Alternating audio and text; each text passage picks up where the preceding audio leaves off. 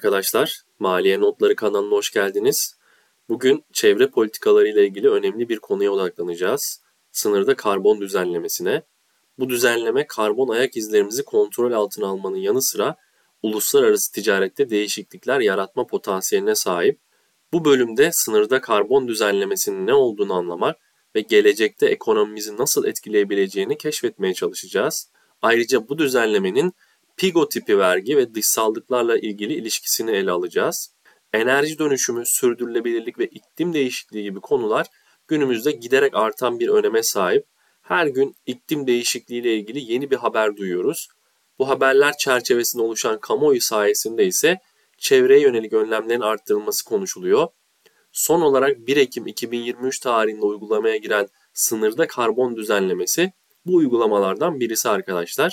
Peki bu düzenleme nedir ve nasıl çalışır? Bu süreç Paris Anlaşması ve buna bağlı olarak Avrupa Yeşil Mutabakatı ile başlamış arkadaşlar.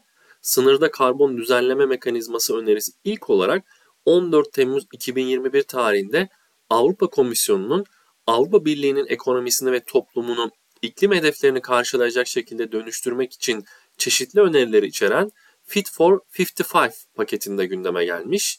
Paket 2050 yılına kadar iklim nötr bir Avrupa hedefi doğrultusunda 2030 yılına kadar emisyonları 1990 seviyelerine göre %55 oranında azaltmayı hedeflemekte.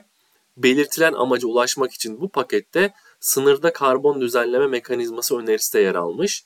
Sınırda karbon düzenleme mekanizmasının amacı karbon kaçağı riski olan ürünlerin Avrupa Birliği'ne ihraç edilmesi sırasında sahip olduğu karbon yoğunluğuna göre vergilendirilmesi, Avrupa Birliği'nde mevcut durumda emisyon ticaret sistemi ile karbon fiyatlaması uygulanmakta. Avrupa Birliği iklim değişikliği ile mücadele kapsamında emisyon ticaret sistemi kapsamında sağlanan ücretsiz tahsisatları azaltarak sıfırlamayı hedeflemekte arkadaşlar. Ücretsiz tahsisatların sıfırlanması ise firmaların karbon maliyetlerinin yükselmesini beraberinde getirerek karbon kaçağı riskini arttırmakta. Sınırda karbon düzenleme mekanizması ile mevcut uygulamadaki emisyon ticaret sistemine eşdeğer bir karbon fiyatlandırma düzenlemesinin Avrupa Birliği'ne ithal edilen ürünlere de uygulanması hedeflenmekte arkadaşlar. Böylece Avrupa Birliği'ndeki işletmelerin üretimlerini yurt dışına taşıması sonucu oluşabilecek karbon kaçağı riskinin önüne geçilmesi amaçlanıyor. Diğer taraftan Avrupa Birliği dışındaki ve Avrupa Birliği'ne ihracat gerçekleştiren üçüncü ülkelerde sera gazı emisyonlarının azaltılmasının sağlanması amaçlanmakta.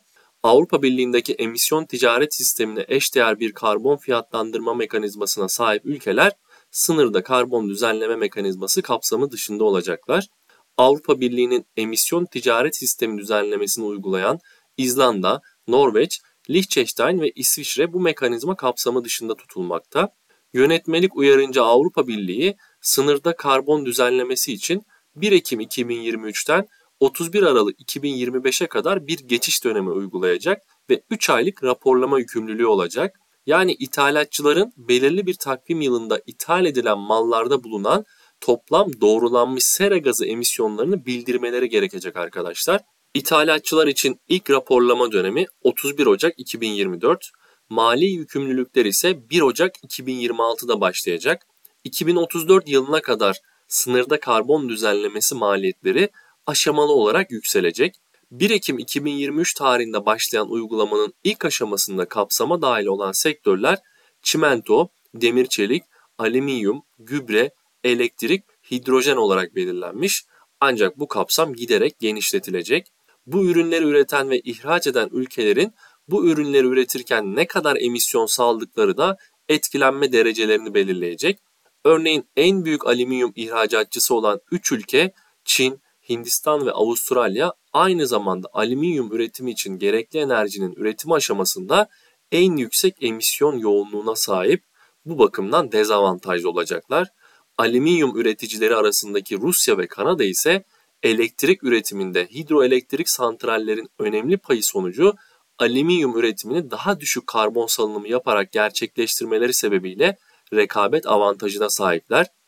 En büyük çelik ihracatçı ülkeleri arasında bulunan Çin, Japonya ve Rusya üretilen her bir ton çelik başına salınan en yüksek emisyona sahip ülkeler. Buna karşın en çok çelik ihracatı yapan ülkeler arasında bulunan Güney Kore günümüzde çelik üretimini en düşük karbon yoğunluğuyla gerçekleştiren ülke. Küresel ölçekte çelik üretiminde en düşük emisyon yoğunluğuna sahip ülkeler günümüzde çelik ihracatı yapmayan ancak ark fırınlı fabrikalarla ve şebekedeki elektrik üretiminin düşük emisyonlu olması nedeniyle Meksika ve Kanada. Bu ülkeleri çelik üretiminde ark fırınlı fabrikaları büyük ölçekte uygulamaya koyan ABD ve Almanya takip ediyor. Çimento ihracatçıları ele alındığında ise bu sektörde yüksek emisyonlu üretim yapan Çin ve Meksika dezavantajlı görünüyor arkadaşlar. Avrupa Birliği bünyesinde ise Fransa, İsviçre, Almanya ve İtalya düşük emisyonla çimento üretimi yaparak öne çıkacaklar. Peki Türkiye bu düzenlemeden nasıl etkilenecek? 2025 yılında düzenleme kapsamının genişletilmesi ve 2030'a kadar Avrupa Birliği emisyon ticaret sisteminin içindeki tüm sektörlerin sınırda karbon düzenlemesi kapsamına alınması hedefleniyor. 254 milyar dolarlık ihracatının yarısını yani 125 milyar dolarını Avrupa Birliği'ne gerçekleştiren Türk ihracatçısı açısından sınırda karbon düzenlemesinin 2026 yılında uygulanmaya başlaması sanayiciye özellikle üretim süreçlerine dönük %10'ları aşan ek maliyet yükümlülüğü getirecek. Sınırda karbon vergisinin devreye girmesiyle de ihracat gelirinin en az %25'inin vergiye gideceğine dikkat çekiliyor. Bu nedenle Türkiye'nin en kısa sürede emisyon ticaret sistemini devreye alıp elde edilecek gelirin karbon yoğun sektörlere dağıtılması gerekliliğine vurgu yapılıyor arkadaşlar. Bu çerçevede Avrupa İmar ve Kalkınma Bankası işbirliğiyle farklı Avrupa Birliği emisyon ticaret sistemi ve ulusal karbon fiyatlandırma senaryoları altında sınırda karbon düzenleme mekanizmasının genel olarak Türkiye ekonomisi ve belirli sektörler üzerindeki etkilerinin öngörüldüğü sınırda karbon düzenleme mekanizmasının Türkiye ekonomisine potansiyel etkileri isimli çalışma yapılmış. Çalışma sonuçlarına göre ortaya çıkan tabloda demir çelik sektörünün sınırda karbon düzenlemesinden en çok etkilenecek Çimento sektörünün ise en çok etkilenecek ikinci sektör olacağı tahmin edilmiş. Model sonuçlarına göre ulusal karbon fiyatlandırma uygulamasının sınırda karbon düzenlemesi maliyetlerini düşüreceği raporlanmış. Avrupa Birliği'ne ihraç edilen hedef ürünlerdeki gömülü kapsam 1 ve kapsam 2 emisyonları dikkate alınarak belirli bir fiyat varsayımı altında sanayiye yönelik potansiyel yıllık sınırda karbon düzenlemesi maliyetleri 2027 yılında 138 milyon avroya ulaşmakta. Öte yandan sınırda karbon düzenlemesi ücretinin fiyatının yükselmesi halinde ise bu maliyetlerin 2038 yılına kadar yıllık 2,5 milyar avroya yükselebileceği tahmin edilmiş. Türkiye Ekonomi Politikalar Araştırmaları Vakfı'nın gerçekleştirdiği ankete göre ise Çin ve Rusya'nın ardından Türkiye sınırda karbon düzenlemesinden en fazla etkilenecek 3. ülke olarak ön plana çıkıyor. Anket Türkiye'de her 4 şirketten yalnızca birinin karbon ayak izi hesabı yapabildiğini ortaya koyuyor. Dolayısıyla Türkiye bu düzenlemeye yönelik önemli adımları bir an önce atmak durumunda. Avrupa Birliği şu anda bu düzenlemeyi tam olarak bir vergi olarak tanımlamıyor arkadaşlar. Ancak tabii ki bu düzenleme bana Pigo tipi vergi konusunu hatırlatıyor. İngiliz ekonomist Arthur Pigo tarafından ilk olarak ortaya atılan çevre vergisi fikri yapılan faaliyetler dolayısıyla elde edilen gelire bu faaliyetler dolayısıyla katlanılan çevresel ve sosyal maliyetlerin dahil olmadığı, bu nedenle maliyetleri karşılamak için yönetimler tarafından uygun oranda vergiler uygulanabileceği tezine dayanmakta. Eğer hükümetler çevre kirliliğini ortadan kaldırmanın maliyetini eşdeğer bir vergi uygulamaya koyarsa, kirliliğe neden olan işletmeler de kirliliği tolere edilebilir seviyelere düşürmek için gerekli önlemleri almak zorunda. Arthur Pigo, dışsallıklardan kaynaklanan piyasa başarısızlıklarının vergilerle telafi edilmesiyle ilgili fikrine 1920 yılında yayınladığı Refah Ekonomisi adlı kitabında yer vermiş. Pigo'ya göre bir malın özel ve sosyal maliyeti arasındaki fark kirliliğin marjinal maliyetine eşit. Böyle bir kirliliğin sosyal marjinal zararlarını vergilendirmek özel ve sosyal marjinal maliyetleri eşitlemekte. Pigovyan vergiler iki tür dışsallıkla ilgili arkadaşlar. Negatif dışsallıklar ve pozitif dışsallıklar. Bir ekonomide negatif dışsallıklar bir kişi veya firma tarafından gerçekleştirilen bir faaliyetin diğer kişileri veya firmaları olumsuz etkilemesi. Örneğin bir fabrikanın çevreye zarar veren atıkları varsa bu çevresel kirlilik negatif dışsallık olarak kabul ediliyor. Bu durumu düzeltmek amacıyla PIGO tipi vergi uygulanabiliyor. Fabrikalarda çevreyi kirletmeleri durumunda daha fazla vergi ödemek zorunda kalabiliyorlar. Bu da onları çevre dostu alternatiflere yönlendiriyor.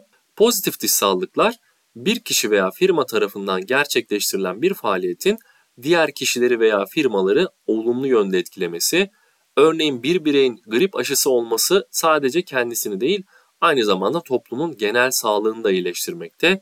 Ancak birey grip aşısı olurken bu pozitif etkiyi tam olarak içselleştiremiyor. Bu durumu düzeltmek için grip aşısı yaptıran kişilere belirli bir teşvik sağlamak amacıyla PIGO tipi teşvik uygulanabiliyor. Veya pozitif dışsallık yayan firmalara sübvansiyonlar verilebiliyor arkadaşlar.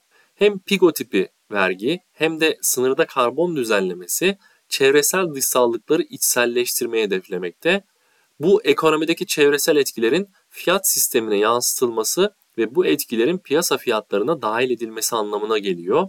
Her iki düzenlemede fiyat mekanizmasını kullanarak ekonomik aktörleri çevresel etkileri göz önüne alarak hareket etmeye teşvik etmeyi amaçlıyor. PIKO tipi vergi çevresel zararlar için ek vergiler içerirken sınırda karbon düzenlemesi karbon içeriği yüksek ürünlerin ithalatına veya düşük karbon içeriğine sahip ürünlerin ihracatına uygulanan vergi veya teşvikleri içermekte. PIKO tipi vergi genellikle ekonomi içindeki tüm faaliyetleri kapsayarak çevresel dışsallıkları düzeltmeye amaçlamakta. Sınırda karbon düzenlemesi ise genellikle sadece ithalat ve ihracatı kapsamakta. Yani sınır ötesi ticarete düzenlemekte. PIKO tipi vergi çevresel zararın miktarına bağlı olarak belirlenen doğrudan bir vergi olarak uygulanabiliyor. Sınırda karbon düzenlemesi ise ithal edilen ürünlerin karbon içeriğine dayalı olarak uygulanan bir düzenleme. Sınırda karbon düzenlemesi uluslararası ticaretteki karbon rekabeti konusunu ele alıyor. Bu yüzden ülkeler kendi sınırları içinde daha sıkı çevresel düzenlemelere sahip olabilir ve bu durumda ithal edilen ürünlere ek bir karbon düzenlemesi getirebilirler. Bu karbon kaçağını önlemeye ve küresel çevresel etkileri azaltmaya yönelik aslında.